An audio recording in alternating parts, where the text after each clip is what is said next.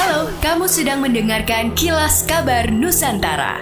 Podcast persembahan KG Radio Network menyajikan berita harian yang mengangkat keunikan dari berbagai wilayah Indonesia. Kilas Kabar Nusantara dapat juga didukung oleh pengiklan loh.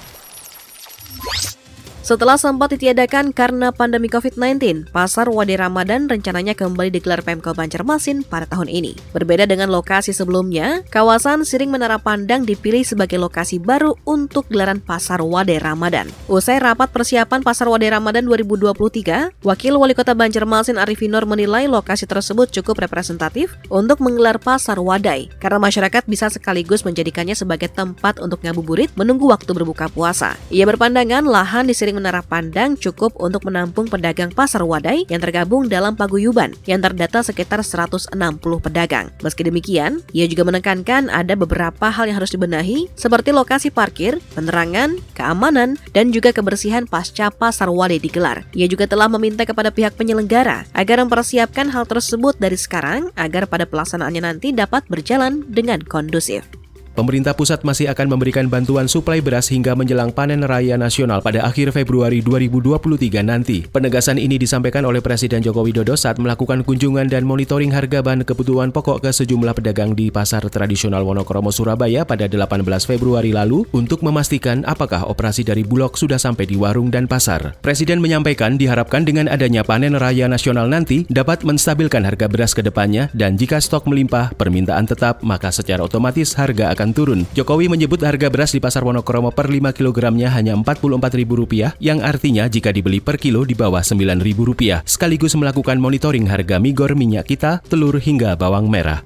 Pemerintah Provinsi Sulawesi Selatan kembali menerima penghargaan nasional yakni KPPU Award 2023. Pemerintah Provinsi Sulawesi Selatan mendapat predikat pratama dalam kategori persaingan usaha tingkat daerah.